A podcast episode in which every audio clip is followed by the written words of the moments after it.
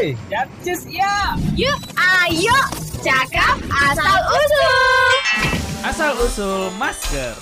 Masker pertama kali diduga muncul pada masa dinasti Yuan, yaitu pada tahun 1279 sampai 1368 Masehi. Pada masa itu, masker di Cina berupa kerudung yang ditenun dengan sutra dan benang emas.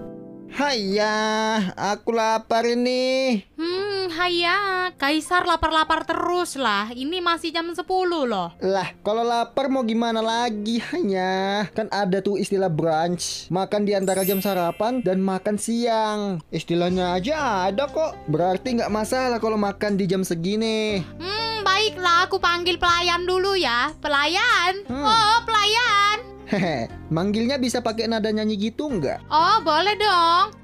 Oh, datanglah. Iya nyonya, iya.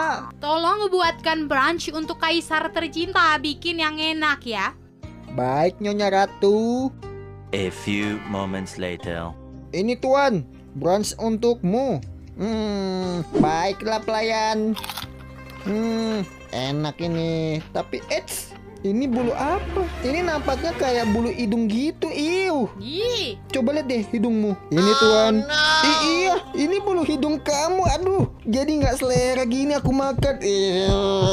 Aduh, maafkan hamba ratu. A- a- aku nggak sengaja. kok bisa pula ada bulu hidung kalian di makanan kaisar? Mulai besok semua pelayan makanan harus pakai penutup hidung dari sutra pilihan. Biar nggak ada bulu-bulu lagi di makanan kaisar dan bulu-bulu lainnya. Si- si- si- Siap ratu. Eh, mau ke mana? Ini bawa lagi makanannya. Berdasarkan catatan The Travels of Marco Polo yang merupakan buku perjalanan orang Italia pada abad ke-13, buku tersebut menceritakan perjalanan Marco Polo ke Cina pada masa dinasti Yuan.